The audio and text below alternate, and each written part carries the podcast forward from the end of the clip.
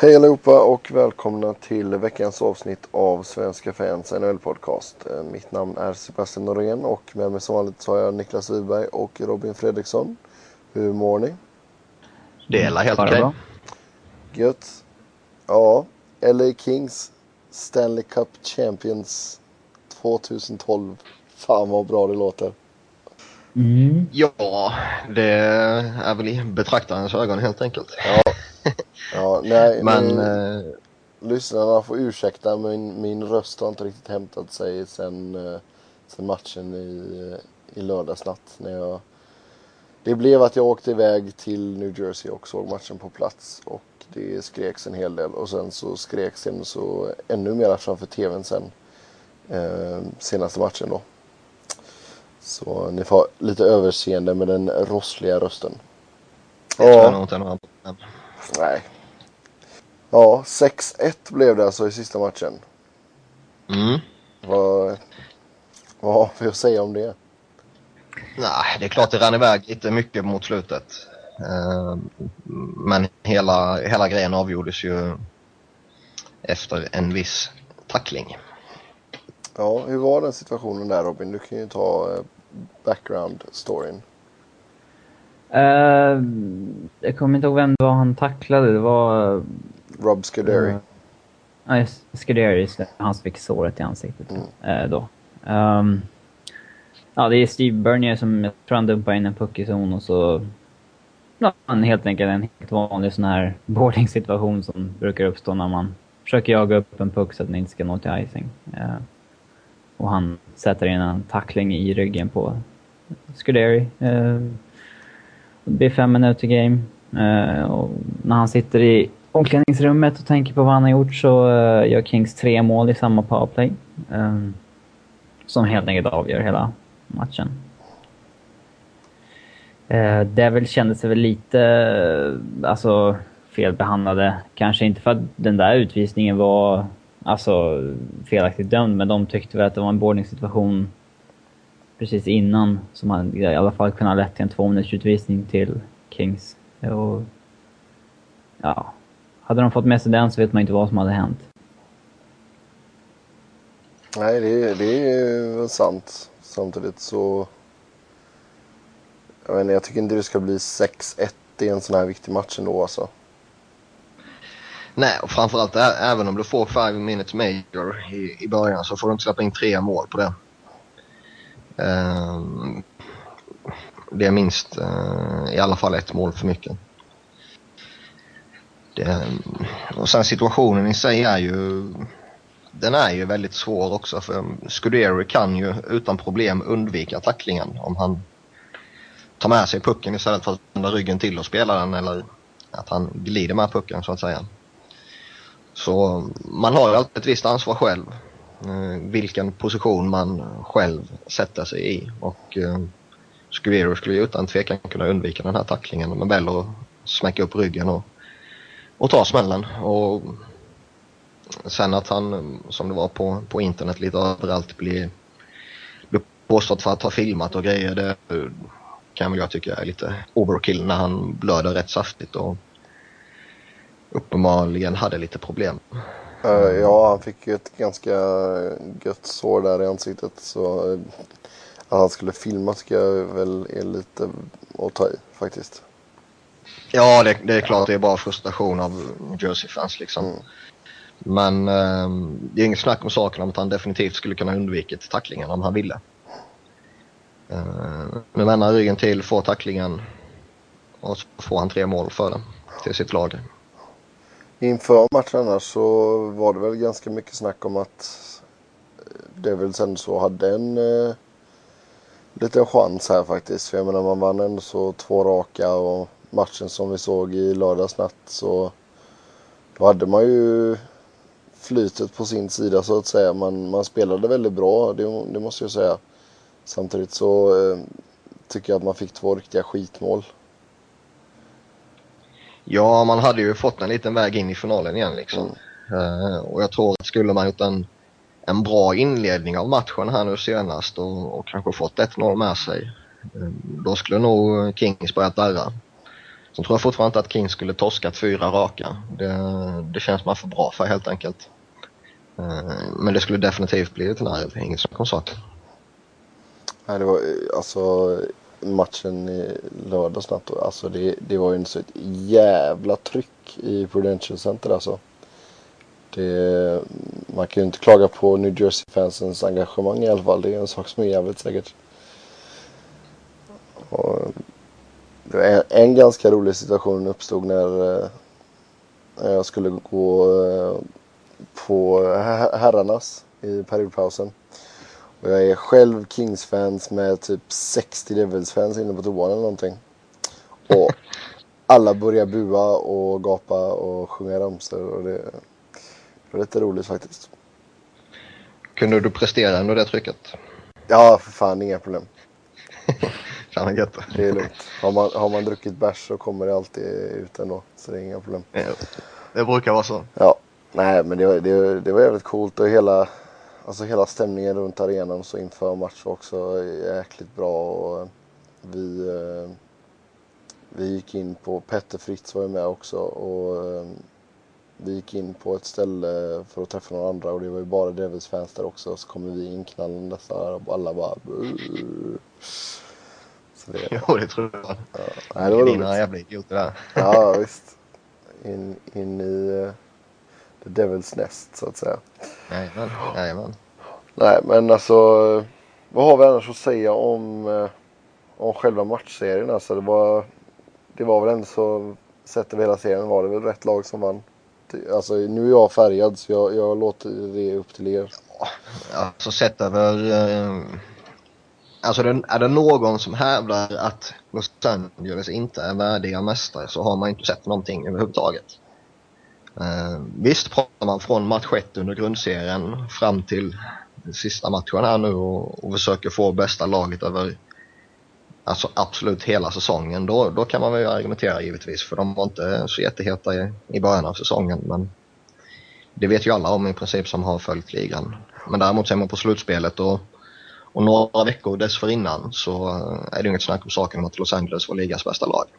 Och jag menar, gå igenom slutspelet genom att i de tre första rundorna slå ut de tre högsta sidade lagen i Western Conference. Och, och göra det genom att inte förlora en match egentligen. Det, det är smått otroligt. Ja.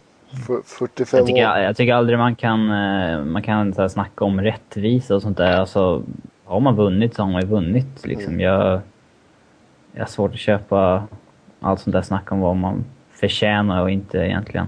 Eh, men, eh, ja. Ja, jag, med tanke på de, det extremt bra slutspel de gjorde också så är det inget snack om att eh, Alltså Kings är värdiga mästare om man nu ska använda sådana uttryck. Ja, 45 år tog det. Nu är bucklan äntligen i, i Hollywood. Ja, sen tar det 45 år till innan nästa. Nej, vi får hoppas att det inte dröjer lika länge i alla fall. Eh. Nej då, men det, det är skönt och det är alltså. Det känns gott att det är avklarat nu också och att inte Anaheim är det enda laget i Kalifornien som har en cup liksom. Nej, precis. Sen har man ju alltså Kings, de, de hade just det här som vi har tjatat om i så många veckor nu under vår podcast att alla deras bästa spelare var verkligen deras bästa spelare också under hela slutspelet i princip. Mm. Eh, de hade slutspelets bästa målvakt i, i Quick och han vann ju Conn Smythe Trophy också liksom. Um, de hade en hel drös med forwards som alla presterade grymt bra hockey. Med eh, Ante Kopitar och Dustin Brown i ledningen och sen efter dem så kom eh, Mike Richards och Williams och Carter och Dustin Penner var ju till och med smått fantastisk och bakom dem kom ju sen eh, alltså betydligt mindre namnkunniga snubbar som Lewis och King och Nolan och så här va. Mm. Som, som alla presterade grymt bra hockey. Uh, och sen Drew Doughty har ju haft en, en fantastisk uh, alltså, säsong allt eftersom. Uh, mm. Han hade ju uppenbarliga problem i början och var inte alls bra i början. Eh, där han då liksom missade lite training camp och lite grejer så här va. Men eh, under slutspelet har han verkligen varit en, en riktig kraft. Jo, alltså det, det har du verkligen rätt i. Alltså det, man undrar ju lite om hur bra han hade kunnat vara ifall han inte hade haft hela den här kontraktsstrulet liksom, strulet att han hade varit med på training camp. Mm. Det tog ju verkligen ett ganska bra tag innan han fick igång maskineriet ordentligt. Sen kan man vända och vrida lite på det också. Alltså, skulle han varit lika fräsch och lika pigg om han skulle kört ytterligare liksom, två månader på, på is? Eller en, en och en halv, två Mm. månader. Nej, det är sant. Det, Eh, Så det kan ha varit till, till en fördel också på, på ett sätt. Jag hade en intressant eh, diskussion med Petter i eh, december när eh, Kings hade sparkat sin headcoach. Och så eh, ryktades det att Daryl Sutter skulle ta över. Och så snackade jag om att, eh, ja, för att Kings hade gått så dåligt att då kan de ju i alla fall drafta Jakobov i sommar. Och då sa Petter, eh, ja vi ska nog lyckas förlora en hel del, framförallt om vi anställer Sutter. Så att, eh, Men det, det säger väl allting kan- om Petters kompetens. Ja. Var- Vart var de låg när han tog över egentligen? De var väl kanske tia någonting. Ja, där runt omkring någonstans. ja, något sånt 10-12 någonting tror jag. Ja, det- det, Jo men det är alltså det, det är ju inte så att man, man tog sig in som sista lag i väst liksom till slutspelet och hade inte Dallas klappat ihop så som de gjorde och som jag förutspådde så, eh, så hade de ju lika väl kunnat missa slutspelet. ja, det var Ja, ju verkligen. nära. Det var mycket nära. Men det, det var ju tur att jag hade rätt för en gångs skull. Även en blind höna. Ja, men den här blinda hörnan firar nu en cupseger. Så, eh, ja, ja, ja, det är lugnt. Nej då. Annars, vad, vad vill säga om eh, finalmotståndet då? New Jersey Devils. Men det är klart de har överträffat alla förväntningar. Eh, Jag tror inte det var någon som, som trodde att Devils skulle vara ett finallag när, när de gick in i slutspelet. Eh, Och säger man att man trodde det så är man väl så känns det väl som att man eh, drar till med en liten vit lögn nu kanske. Ja, eller att man Eh. tippar med hjärtat. Ja, ja. Eh, De har också gjort det fantastiskt bra och ehm, givetvis är det för alla ledare och spelare och framförallt fans väldigt, väldigt bitter i dagsläget. Men de ska ändå vara förbannat nöjda med sin, sin insats hela säsongen egentligen. Ehm, de var ändå ett, eh, ett litet, litet powerhouse om man säger så bakom de här eh, liksom riktigt stora i, i eh, Atlantic med Rangers och Pittsburgh och Philadelphia som fick mycket av utrymmet i media och på internet på alla olika sätt. Ehm, och sen kom Devil smygande där bakom och var egentligen inte mycket sämre än, än de tre lagen heller va. Um, så de gjorde fantastiskt bra och uh, gjorde ett ännu bättre slutspel där de egentligen var bättre än vad de kanske bör vara. Ja. Martin Brodeur då? Vi har pratat en del om honom i tidigare veckor här nu men han gjorde väl ändå så vad han kunde. Ja, det finns inte ett människa som kan klaga på Brodeur. Sen är ju frågan om, eh, om det här var det absolut sista han har i sig som han kramade ur det här slutspelet. När, för han var ju inte bra mot eh, Florida, det var han verkligen inte. Eh, Men där när de gick vidare sen och så är ju frågan om han liksom kände att äh, men nu har vi chansen här liksom och, och det började rätt vettigt mot, mot Flyers också så då är frågan om han liksom kramar ur det absolut sista han har i kroppen och och eh, väljer att kliva av nu eller om han kommer vara medioker nästa år eller man vet ju inte. Snubben är ju, är ju gammal också så han, han får ju ingen jättelång sommarvila nu heller jämfört med han kanske egentligen borde behöva och vad han kanske har fått tidigare år liksom. Ja, nej, men han, han har ju så pratat under slutspelet om att han vill spela så länge han tycker det är roligt liksom. Men, Mm. eh, men jag menar vi pratar... hade de vunnit hade han nog slutat. Det är jag nog rätt övertygad om. Ja, det är hade nog mycket möjligt. hade ju varit det perfekta liksom, avskedet sådär. Uh, men... Uh, fast det, alltså, i, i fjol så... Senaste typ, fyra åren så har han spelat 17 slutspelsmatcher totalt och så i år drar man till med 24 på en gång. Det kan ha tagit rätt rejält på hans kropp och det kan ju vara lite som med Lidström att han känner just nu när han ska återhämta sig att det inte känns som det brukar göra när han ja, ska ladda upp igen. Mm. Uh, mot vad han har sagt tidigare. Jag menar Lidström sa också under säsongen att han såg fram emot att spela Winter Classic så och sen efter säsongen kände han att, att kroppen inte laddade om på samma sätt som den brukar göra. Och det, det kan ju mycket väl vara samma sak i Brodeurs fall. Ja, nej, jag tänkte faktiskt komma till det just med jämförelse med, med Lidström där. För det är, Brodeur är ju också en ikon i NHL. Men han kanske inte har samma, samma höga standard på sig själv, eller vad man nu ska säga, som Lidström har. Nej, han har ingen Men sen samtidigt, man blir inte så fantastiskt duktig som han är och framförallt har varit utan att ha enormt höga krav på sig själv och vad man faktiskt pysslar med liksom. Eh, däremot tror jag, eh, lite som du var inne på också, att Lidas är kanske ett extremfall. Men eh, jag tror inte att Rodeur är den som glider in i ligan bara för att tjäna några miljoner extra och sen sitta och, och liksom ha jätteproblem med stolparna. Ja, det tror jag inte. Nej, nej, det är inte det jag menar. Utan jag menar alltså att han, han känner ändå så att han har ett sånt sug att spela så att han liksom accepterar att han inte är på samma nivå som han var för tio år sedan. Ja, men då skulle han slutat för några år sedan. Mm.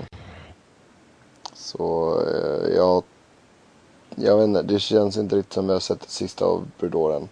Det, det är bara vad jag tror. Men han skulle aldrig ta en, eh, alltså en uttalad eh, alltså andra roll eller dela på ett, ett första jobb. Nej, men det, det kommer han ju... Vara, han det kommer vara, det väl aldrig ge honom. Exakt. Han kommer få etta så länge han vill. Mm. Det tror jag. Annars då, vad, vad finns det för pusselbitar som uh, New Jersey måste fixa till för att man ska nå hela vägen? Alltså de hade ju... De, hade ju, de har ju en bra grund att stå på om man säger så. Um, vad de definitivt måste göra är ju signa upp Zach Parise. Eller få in en likvärdig forward till givetvis. Mm. Eh, tappar man honom så tappar man väldigt mycket av sin identitet som lag och som organisation i dagsläget känns det som. Och eh, givetvis förlorar man en ruggigt duktig forward. Um, annars tycker jag att Ilja Kovalchuk har visat uh, att han kan ändå bära ett lag nu i ett slutspel. Um, sen har han haft vissa skadeproblem och, och sådär fram och tillbaka under, under hela slutspelet egentligen. Men han har ändå legat på strax under en poäng per match och, och smält in åtta mål liksom på 23 matcher. Så jag tycker ändå han har gjort det bra. Uh, jag hade lite större förväntningar på Zach Parise faktiskt. Uh, han har allt som oftast varit väldigt duktig i spelet ute på isen men kanske några poäng till kan jag tycka. Uh, Travis Ajak gjorde det jättebra. Uh, Patrick Elias också. Så det, alltså de här lite större namnen finns det egentligen ingenting större att klaga på. Liksom Clarkson och Subrus gjorde det generellt bra också. Adam Henrique fortsatte att visa att han uh, definitivt förtjänar en Calder-nominering. Mm. Uh, fjärde kedjan var ju förutom den här tacklingen av Bernier som avgjorde hela skiten har ju fjärdekedjan varit fantastiskt duktig för dem. Uh, backbesättningen har varit bra. Talinder kom in och gjorde det förvånansvärt bra faktiskt. Alltså varit borta från januari och framåt liksom. Mm. Uh, Mark Sedliski tycker jag var en viktig eh, värvning för dem. Han eh, var kanske inte riktigt, eh, alltså höll inte riktigt samma klass som han gjorde tidigare kanske. Alltså om man ser till finalen eller tidigare. Men från det han anslöt inför trade deadline så har han varit riktigt duktig för dem. Han fick en jätteny tändning. Ja. Sen är det ju däremot, det, ja, däremot är det ju det viktigaste för uh, Devils, det är ju målvaktssituationen. Um, väljer Brodeur att sluta då måste man ge sig på jakt efter en, efter en riktig målvakt om man ska säga så. Med, eh, någon, någon som man verkligen kan bygga om helt och hållet på liksom. Och inte någon liksom 32-33-åring utan då bör man ge sig efter eh, Corey Schneider kanske eller Bernie Eric Kings och så här va. Eh, väljer han att fortsätta så tycker jag definitivt att man ska satsa på en, en eh, betydligt yngre andra målvakt. Johan Hedberg är all ära och han är en ultimat backup. Men eh, har du en första målvakt som är 40 plus då kan du inte ha en eh, backup som är 40 plus också. Eller exakt 40. Nej, det håller jag med om. Vi pratade lite om det förra veckan att eh, kanske skulle vara bra att skola in någon yngre bakom Brudor ifall han fortsätter då. Ja. Sen är det det också att som jag sa lite innan, det kändes väl som att Devils kanske på ett sätt överpresterade i det här slutspelet. Att eh, man, man spelade bättre än vad man kanske egentligen är. Men, eh, och ingen skugga över det, men Frågan är om man klarar det ett år till. Det är väl lite tveksamt.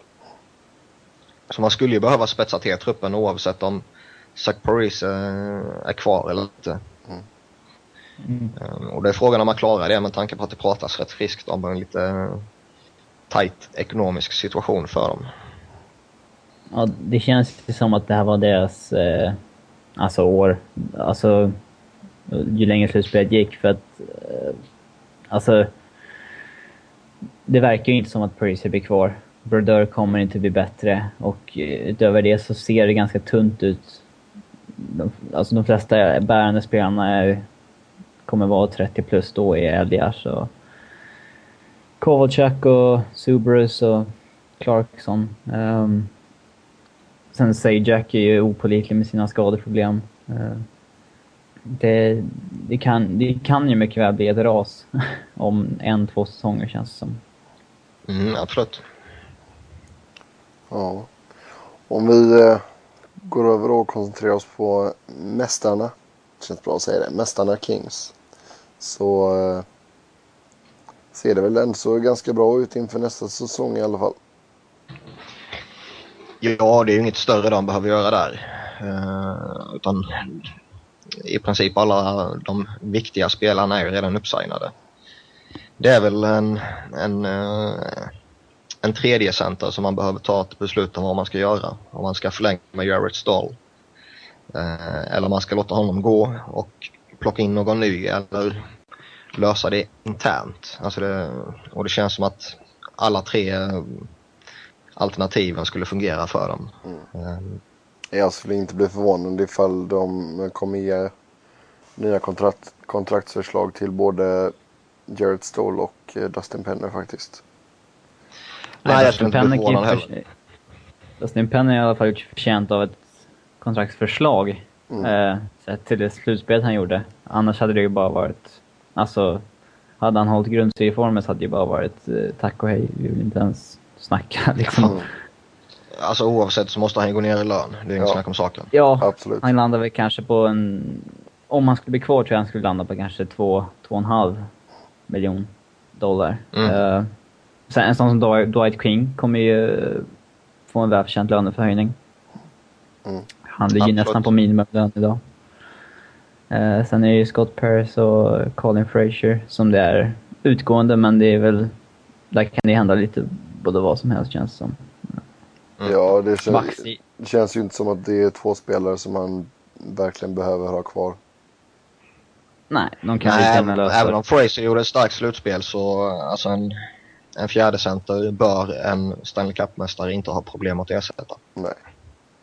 Nej, de, de, båda de där spelarna kan de ersätta in, internt eller på free agency eller genom att resigna dem igen. Det, det borde in, inte vara något problem alls. Nej. Och sen så, Nej. Alla backar har ju kontrakt nästa år. Ja. Så att backbesättning behöver de inte göra någonting med egentligen. Eh. En intressant situation är ju däremot vad, hur man agerar på målvaktsfronten. Mm. För det, det, känns som ett extremt onödigt lyx att sitta på både Quick och Bernier. Och eh, känslan är väl lite att Berniers värde är större nu, alltså om man ser över sommaren i, i, samband med draften till exempel, än vad det kanske kommer vara om några månader eh, och några månader in på säsongen. För jag menar, det känns som inte som att de kommer börja värva Quick och Bernier liksom. Utan Quick har ju visat att det här är hans lag nu liksom. Mm. Och eh, även om de två fungerar jättebra tillsammans och, och hela den biten och kanske bästa polare, vad vet jag. Så känns det ändå som att ha en talang av Berniers eh, kaliber i båset och öppna dörren är väldigt onödigt. Mm. Jo, det är fantastiskt mot honom. Ja, det är det. Han är ju ja. typ 20, 20, Hur gammal är han nu? Han är väl nästan 24 år. Han har fortfarande inte alltså fått chansen. Han är ju en jättetalang för målvakt. Han... Mm. Ja. Och jag menar, man kan ju få ett riktigt bra utbyte för honom. Antingen om man bara vill ha en massa draftval eller om man vill ha en färdig spelare eller om man vill ha mm, alltså redan draftade talanger från någon annan organisation. Och det finns ju ändå några organisationer som bör vara i ett mm, ja, mer eller mindre panikartat tillstånd för att få in en, en, en målvakt som man kan satsa på. Och typ Tampa Bay som det har pratats väldigt mycket om nu. Och eh, typ New Jersey om det skulle visa sig att Bordeaux slutar liksom. Mm. Kanske Toronto också om de har tröttnat på Raymer. Eh, det finns ett par. Jag, jag, jag, tror Brian Burke kommer gå efter en uh, mer erfaren målvakt. Ja. Om han går efter någon. Ja, vi har Edmonton också. Ja. Som behöver en målvakt att bygga kring. De satsar ju bara på forwards ändå så det är ju... Ja. ja. Nej men absolut, Bernier är ju ett väldigt bra eh, alltså, bargaining chip att ha i, i bakfickan ifall man vill ha in lite talanger och sådär. Men eh, jag håller med er, jag tycker Bernier är för bra för att bara sitta och öppna båset. Och eh, han kommer ju inte få spela särskilt mycket. Nej, sen är frågan också nu Alltså har man fått någon, någon hint av Quick om vad han vill göra i sin framtida karriär liksom? Um, har han kanske hintat lite om att ah, jag är inte helt säker på om jag vill uh, alltså satsa på, på en lång karriär i Los Angeles eller eh, Kings eller både och liksom. Och att, se något annat i sin framtida karriär? Um, alltså då, då, får man också överväga det och se liksom, ja, men då kan det kanske vara värt att behålla Bernier ett till. Jo, det är klart det skulle vara det. Men från vad jag har hört så eh, kommer ju allting tyda på att han kommer signa nytt. Ja, ja. Han verkar ju jag, jag håller med. Han... Bara det att uh, det har ju spekulerats om det lite tidigare att uh, Quick uh, kanske vill söka sig till östkusten till exempel. Mm. Ja, han är väl från Michigan tror jag från början. Ja, det är något sånt där. Ja. Ja. Nej men det är som sagt det ser bra ut och eh, jag vet inte, jag, jag, det har varit väldigt kul att se Antje Kopitar i det här slutspelet faktiskt. Och eh, nu kan man väl eh, äntligen liksom klassa honom som en, som en superstar i ligan. Ja, alltså det var ju, jag skrev ju en, en, en liten text om slutspelets bästa eh, på sidan och känslan jag hade och, och, som jag tror att väldigt många delar med mig och, och som du var inne på nu också lite var ju att Ante Kopitar var en spelare som innan han fick det här erkännandet som, som du sa som en superstar och, och liksom största möjliga status så att säga så var det väl det att han skulle bära sitt lag väldigt långt i ett slutspel. Uh, och inte bara prestera väldigt bra tvåvägshockey och, och, och bla bla bla bla under grundserien och, och så liksom, utan att ta det här sista steget så behövdes det ett bra slutspel och, och därmed inte sagt att han behövde ta Kings till, till seger. Men uh, att han verkligen bar dem under några runder liksom. Och nu har han ju visat det på det mest ultimata av alla sätt. Men du som Philadelphia-fan måste väl ändå kunna glädjas lite åt uh, era forna spelare? Det är ju en hel drös. Ja, det, det, är klart man gör det. Vi har ju fan halva organisationen där. Ja. Men nej, men alltså det, vi har väl pratat om det tidigare också i, i podcasten vill jag minnas. Och eh, jag är ju så enormt glad för att Mon Gagné har fått en Stanley Cup-seger äntligen. Eh, det är ju en av mina favoritspelare genom alla tider. Eftersom han har gjort så väldigt många år i Philadelphia med väldigt bra hockey. Eh, Ron Hextall läser man ju med jättemycket också. Justin Williams har jag alltid gillat och nu när han äntligen har fått vara frisk en längre tid så har han visat vilken fantastisk tvåvägsforward han är också. Mm. Eh, sen är det ju det här Mike Richards, Jeff Carter-snacket och jag tycker fortfarande att man gjorde ett rätt beslut som eh, gjorde sig av med dem om man kände att det inte fungerade i Philadelphia. Sen har det ju tjatats till, till liksom till förbannelse om eh, alla problemen på och utanför isen och hur de fungerar i gruppen och omklädningsrummet i Philadelphia och allt sånt där. Men det är väl rätt uppenbart att eh, de fungerar bra i Los Angeles och jag tror att det är väldigt viktigt för båda de två att kunna stå bakom Anse Kopitar och Dustin Brown kanske framför allt. Och, men också en Drew Dowdy och Willie Mitchell och, och lite sånt där som, som ändå känns som att det är Los Angeles. Eh, de namnen där och sen kommer de in och, och kan göra sitt bakom de här namnen. Mm. Istället för att vara de där ledande eh, som hela tiden får massa utrymme och, och, och så vidare i Philadelphia liksom. Ja, det är sant. Mm. Flyers fick ju fortfarande bra, riktigt bra utbyte för dem. Ja, och jag menar det, jag, jag tycker det är lite tufft att och, och såga Paul Holmgren för att eh, det, det, skulle väl varit en sak om han skulle skickat både Richards och Carter till Los Angeles. Då, då skulle man kunna prata lite annat. Men jag menar, skickar han till Columbus så med tanke på hur Carter uppträdde från det han fick beskedet att han hade blivit tradad till att han landade i Columbus och under sin tid i Blue Jackets så förtjänar han definitivt inte vinna någon Stanley Cup. Det är ett sak som är säker. Um, även om man till viss del kan förstå honom. Ja, alltså, ja. han verkar ändå ha kommit in bra i laget här nu faktiskt och gjorde ändå så en hel del poäng i slutspelet. Så. Ja, han, han prickar in en del poäng. Sen, sen är det som jag sagt hela tiden också, han kommer aldrig vara någon ledande spelare så i ett slutspel. Um, utan han, han kommer glida runt och göra sitt och får han med sig några poäng så det är bra. Annars kan han lika gärna liksom lämna ett slutspel utan gjort något större intryck. Mm. Nej men på, ta på tal också om Simon Garnier, det var jävligt kul att se honom att han fick ett par matcher här i finalserien också. Ja, nu, nu är jag i och för sig rätt övertygad om att man skulle satt hans namn på kuppen oavsett om han skulle spelat eller inte. Men uh, det är alltid skönt att, framförallt som spelare, att uh, veta att man trots allt deltog i finalserien och inte bara liksom fått sitt namn inskrivet på bucklan. Mm. Uh, sen var ju inte han så överdrivet bra på något sätt. Nej, men jag tänkte med tanke på alla problem han haft med hjärnskakningar och så. Ja. Och det, han har ju varit borta mer eller mindre hela säsongen liksom.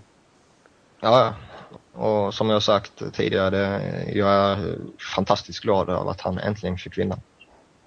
Sen är jag väldigt glad att Dustin Brown äntligen fick raka bort sitt slutspelsskägg. Ja, han, han såg ut som en hemlös människa alltså. ja. Såg riktigt illa ut. Ja. Ja, har vi något mer att tillägga om Kings eller eh, ska vi låta det vara för nu? Jag kommer ju skriva en eh, krönika lite längre fram i veckan så där det blir lite mer hyllningar så ni kan ju hålla utkik efter den. Nej, alltså det är någonting man bör lyfta fram så är det väl deras spel nummer ett underläge. Eh, det var väldigt bra hela slutspelet. Och som landade på 92,1 procent nu. Vilket det är en förutsättning att man antingen har ett fantastiskt bra powerplay eller antingen ett eh, fantastiskt bra nummer underläge liksom, om man ska vinna. Powerplay var ju sett över hela slutspelet mediokert. Men penalty killing fungerade väldigt bra som sagt. Ja, i de första omgångarna var det ju helt bedrövligt powerplayet. Det var ju målfarare i boxplay. Ja. ja, då eh, säger vi grattis till LA Kings igen och så rör vi oss vidare. Um, vi har uh, fått besked om att, uh, ska vi se, Ian Lapierre heter han va? Jajamän. Ja, har tackat för sig och uh, lägger av, 38 år ung. Mm, och det är ju ja, egentligen ju ingen nyhet. Alla... Han har spelat i alla våra lag. Jajamän. Kings, Avs och Nej, Flyers. Det, det, det, är ju ingen nyhet det här utan han har ju bara gått och väntat på det. Mm. Han har inte spelat sedan slutspelet 2010. Uh, och där fick han ju det här ökända eller kända beroende på hur man vill se det. Eh, skottet i, rakt i ansiktet av Paul Martin som var i New Jersey då liksom. Och missade tio matcher på grund av en hjärnskakning där och mm, gjorde ju back lite senare i slutspelet men då visade det sig att han spelade med en hjärnskakning och den hjärnskakningen och sviterna av hjärnskakningen har ju gjort att han inte har kunnat spela sedan dess. Eh, så anledningen till att han har slutat tidigare det är ju enbart för att skulle han sluta så skulle kontraktet fortfarande räknas mot eh, Flyers lönetak. Och ehm, då valde han att stå till sidan och ehm, helt enkelt bli uppsatt på long term injured reserve och så sätt få cap att försvinna från Flyers lönetak. Men det, alltså han, han, spelade en säsong i, i Philadelphia och uh, redan på en säsong så lyckades han liksom bli en uh, ruggig publikfavorit och det är någonting som känns väldigt, uh, vad ska man säga, udda på något sätt. Uh, sen har jag en spelarstil och en, är ju en spelartyp som är väldigt lätt att tycka om som supporter. Eh, med tanke på att han hela tiden gav allting och vek aldrig ner sig och stod upp för laget och lagkamraterna och, och hela den biten och, och alltid var rak och ärlig i alla sina kommentarer. Jo, det är sant. Men det var ingen, det var ingen poängmaskin direkt. Nej, det var det verkligen säsong. inte. En riktigt bra säsong i Colorado. Han ja, gjorde... var, det, var det första säsongen han kom dit va? Ja, det var efter lockouten. Det var ju ja. många som fick ett uppsving när de hade vilat ett helt år. Ja, där. Mm. Han var en av dem. 21 mål och 24 assist. Det, det är bra. Faktiskt. det är ju mer än dubbelt vad han lyckades med när han var i Kings i alla fall. Mm. Ja, verkligen. Mycket mer. Mm. Han sa ju det också. Han fick ju Bill Masterson Trophy 2010-11 just för Eh, Eh, för den händelsen och för sina försök att komma tillbaka och hela den biten. Va? Men eh, han sa ju det när, när han blev nominerad för det priset och när han fick lite sådana här uh, No Guts No Glory uh, uppmärksammade pris och, och, grejer av olika internetsidor och lite sånt här att uh, ja, jag kommer ju aldrig vinna någon Maurice Richard Trophy liksom så jag är grymt nöjd över att ha fått vinna detta. Eh, och en fantastisk spelare som eh, jag tror är enormt saknad i Flyers lagbygge. Ja, vi eh, tackar Pierre för hans... Vad är det han har gjort? Han har väl gjort över tusen matcher va? 1080 någonting tror jag. Mm. Ja, vi tackar honom för det och önskar honom all lycka till och hoppas han blir frisk i alla fall. Man kan ju tillägga det att han är så pass frisk så att han kan leva ett normalt liv nu. Ja, men det är ju skönt att höra det i alla fall. Ja, sen eh, kan han inte spela hockey för han klarar, det verkar som att han inte klarar av alltså snabba, mm, all, all den här speeden som är på en hockeyrink liksom. Med syn, uppfattningar och, och skiftningar i, i, i den biten liksom. Ja, det kan man ju förstå. Ja, Robin, har vi några kontraktsförlängningar? Uh, ja, det är Boston som har förlängt med eh, Chris Kelly och uh, Campbell. Uh, Chris Kelly har förlängt fyra säsonger med till en capita på 3 miljoner. Och Gregory Campbell har förlängt tre säsonger med till 1,6 miljoner i cap hit. Och det känns som två mycket, mycket rimliga kontrakt kan jag tycka. Ja, alltså... ja Framförallt Kelly har ju verkligen visat i, Bruins vilken duktig spelare han är. Han, känslan jag har alltid haft av honom när han var i åtta var ju att det kunde vara väldigt mycket upp och ner. Um, um, från match till match egentligen också. Men i Boston har han, han lyckats ta sitt spel till en ny nivå och framförallt när de gick så riktigt bra i fjol så var han ju väldigt viktig för dem i slutspelet. Jo, men det är väl med tanke på att han har hittat den här jämnheten som, som man kan med och genom ett så pass långt kontrakt också ändå tycker jag. Mm. Det är som du säger, alltså det, det var jävligt ojämnt ett tag där. Alltså det är som du sa, från match till match liksom. Det, det är ju inte det bästa liksom. Men eh, sen Campbell vet jag inte, det är 1,6 år där Robin va? Mm. mm. Det är väl helt överkomligt. Ja, ja det är inget alltså kontrakt det... man lider av att ha. Nej, och det är en bra spelare för en fjärde kedja som kan hjälpa till i en, en tredje kedja eller någon enstaka gång ännu högre upp också om det skulle finnas behov av det. Mm. Så en bra spelare som uppenbarligen fungerar väl i, i den gruppen som Boston har och i, i det lagbygget som man vill få till liksom. Ja, man vet, man vet ju aldrig heller hur viktig en sån här spelare är, alltså i omklädningsrummet eller i, det är lite svårt att sitta och bedöma när man bara kollar på vad han presterat statistik och sen hur mycket pengar han kommer få. Mm. det kan ju vara... Vissa spelare kan ha en väldigt stor roll, fast inte mm. på isen så att säga. Sen ska man sen vara lite konspiratorisk så undrar man ju om, eh, eller hur stor del hans farsa har i den här kontraktsförlängningen för Bostons del. Mm. Colin Campbell. Mm. Nej, nu ska inte vara sådana Niklas. Jo. Nej, han har, det är jätteroligt han, med konspirationsteorier. Han, han har förtjänat detta. Ja, men det är som Robin säger, konspirationsteorier är ju förbannat skoj att prata om. ja, ska vi börja prata om uh, eh, JFK och Area 51 också eller? Nej, det sparar vi till nästa vecka.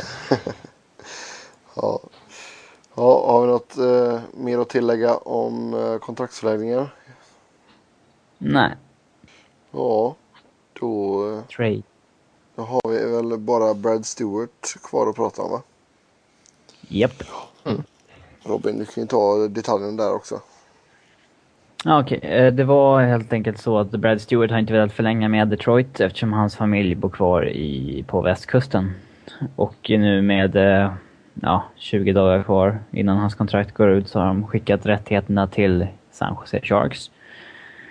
I utbyte mot Andrew Murray och ett conditional pick 2014 som de får om Brad Stewart förlänger med San Jose. Som det mesta, mesta talar på att han kommer göra. Och det får man väl se som en, eh, en riktigt bra eh, trade av San Jose som, nu när det fanns en möjlighet att ta in en riktigt bra back. Eh, för att han ville just dit och inte ville vara kvar. Så får man se det som en mycket bra trade. Mm. Nej, det är bara att hålla med där faktiskt. Det, ja, det är en bra värvning. Uh, Bryce Stewart bakom uh, Boyle och Burns till exempel tror jag kommer fungera väldigt bra. Uh, han har gjort det i Detroit och Sharks känns ändå, om de hade lite problematiskt i det här slutspelet och den här säsongen så känns det ändå som ett lag som kommer vara där och hota. Um, de har ett intressant läge nu i, i backbesättningen också där de redan har liksom Boyle och Burns och Vlasic, och Murray. Douglas Murray, Jason DeMere, Justin Brown. Um, som alla är, är bra försvarare och sen plussar man på Jim Van Vandermeer och Colin White på det som som ändå är spelartyper som kanske behöver också någonstans i bakgrunden så, så är frågan om de kommer göra någon ytterligare trade. Ja, det är inte omöjligt att någon back försvinner. Det känns ju som att de har minst fem topp fyra backar i alla fall. Mm. Ja. ja. och det har ju pratats en hel del senaste månaden om Douglas Murray, att väldigt många lag är väldigt intresserade av honom. Uh, vilket jag givetvis förstår. Mm. Sen tror jag det är ett misstag att göra sig av med honom för det, det är en väldigt viktig spelartyp för dem. Ja, han är ju en av eh, de stora favoriterna också bland eh, Sharks-fansen också. Så jag tror inte de hade varit så mm. jättenöjda ifall han försvann. Mm. Sen, sen, alltså, sen vet man ju inte, alltså, det, det är ju en hel del lag som skulle behöva få in alltså, en lite, lite tyngre back. Ja, lite tung. Ja. ja det är ju 110 kilo alltså, tuffing liksom med, ja, som är bra med erfarenhet men ändå har ett, ett par år kvar på toppen liksom. Så att, ja. Eh, och ingen farlig capita heller på 2,5. Så det, det bör finnas ganska gott om intresse för honom. Mm. Jo, med tanke på hur vältränad han är också så lär han kunna köra ett bra tag till. Jag menar, var han typ mm. 6% kroppsfett typ? Ja, han ser, han ser ju nästan fet ut men skulle han ja, det, det är ju bara skulle nog inte... ja, det är ju det som är det ja. sjuka. Sen en sån som Vlasic bör kunna locka lite lag också.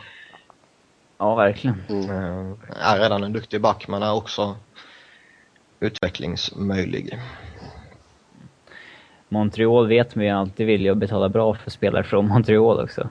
Så att... Eh, det känns inte helt omöjligt att han skulle jaga efter honom. Mm.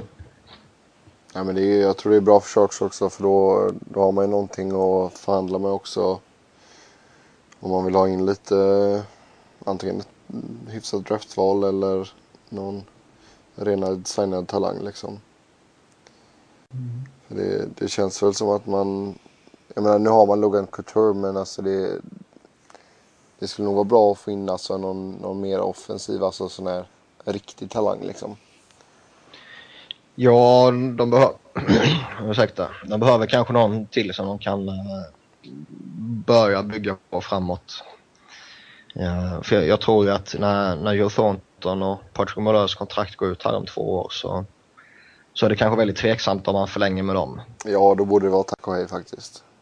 Ja, och väljer man att förlänga med dem så kommer de ju sannolikt få en betydligt lägre lön och en betydligt mindre roll. Uh, och då är det ju upp till Couture och Pavelski kanske och Ryan Clough om, om de är kvar givetvis att, uh, att bygga på dem och då är det som ni sa, då kanske det behövs något nytt yngre namn till också. Det är väl inte helt omöjligt att de kommer försöka börja försöka skicka iväg Thornton och Marlör redan nu. Har mm. tur lyckas de ju med det. Ja, det är lite frågan vilka lag som ska ta dem dock. Kan jag väl känna. Ah, det finns ju alltid... Jag menar alltså... Det är inte Jorn Thornton som har spelat själv i slutspelet alla åren. Liksom, lagen han har spelat i har ju misslyckats. Ja, till viss del på grund av honom också men... Menar, han kan ju mycket väl hamna i ett bra lagbygge som kan gå långt med honom. Liksom. Uh, ja, jag tror det inte det. kan ja. göra det, men alltså han, jag tror inte att något lag ska ju inte se till honom som en frälsare om du förstår vad jag menar. Alltså att han ska komma in och leda laget. Nej, det finns ju många som behöver just en första, alltså en center. Liksom. Eh, Toronto behöver en desperat. Eh, St. Louis har inte heller någon riktigt uttalad första center eller någon Nashville samma sak. Eh, det finns ett par lag som kan tänkas vara intresserade i alla fall. Jag säger inte att de är det, men Sen, sen, sen jag, jag, tror väl egentligen inte att det är särskilt jobbigt att, att kanske trada bort Joe Thornton eller Patrick Muller. Alltså just att, att kunna få något annat lag att, att ta dem. Uh, problemet som jag, jag tror vet. finns är att uh, Sharks vill ha ett för bra utbyte för mm. vad laget kanske vill ge upp för honom. Ja, de har ju movement-klausuler också. Både Marlowe och Thornton. Jo, men sen samtidigt alltså kom, kommer det lag till dig och säger att eh, nu vill vi trada dig. Vi vill trada dig hit. Vi vill inte ha kvar dig. Ja. Då är frågan om man vill vara kvar också liksom. Ja, det, det beror på vad det gäller. Gäller det Columbus så då sätter han väl sig på tvären, men... Nej, givetvis, givetvis. Um, och San Jose är ju annars ett lag som kopplas samman med Rick Nash.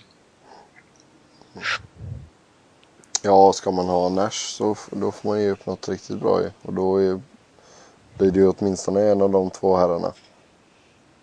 Mm. Men som sagt, de sitter ju på no movement och då... Ja, man får väl be dem jättesnällt eller vara riktigt eh, vidriga mot dem helt enkelt. Ja, men som sagt, vill man göra sig av med en spelare då brukar det lösa sig på något sätt. Mm. Ja, vad, jag tänkte så här innan vi avslutar att ni får uh, sätta er lite på on the spot här men uh, ert favoritminne från slutspelet? Jag kan börja med Robin. Från slutspelet? Mm. Ja, det är från slutspelet. Det var inte så... Nej, det är väl matcherna mellan uh, Philadelphia och Pittsburgh som var väldigt, väldigt underhållande. Uh, det är väl det som är min favoritgrej från slutspelet. Jag, jag vet inte om jag kan ta ut ett, ett ögonblick sådär, men det, det var de matcherna jag hade mest roligt under i alla fall. Niklas? När Simon Gagné lyfter Stanley Cup-bucklan och är på väg att tappa den, men lyckas få kraft igen och få den över huvudet. Ja. Ja, det, han var ju inte det, var väldigt, det, var, det, var, det var väldigt stort för mig. Ja, han var ju inte den enda som var nära där. Det var väl eh, Jordan Nolan som krockade med en fotograf också tror jag. ja, mitt favoritminne förutom när Dustin Brown eh, lyfte cupen då, måste säga Kåpitars mål mot St. Louis. Det var för jävla snyggt faktiskt. Och då, då kände man att nu är han på gång på riktigt. Mm. Faktiskt. Och eh, med de orden så tackar vi för oss för den här veckan. Som eh, vanligt så vill ni köta hockey så eh, görs det bäst på Twitter. Mig hittar ni på Seb Noren i ett ord. Niklas hittar ni på Niklas Wiberg i ett ord. Niklas med C. Och eh, Robin på R. Underscore Fredriksson. Sedan som vanligt eh, har ni frågor och funderingar så eh, använd gärna hashtaggen Svenska fans podcast. Ett långt fint ord så försöker vi ta upp det i kommande program. Tills nästa vecka så får ni ha det så bra och så hörs vi. Ha det bra. Hej! Hej!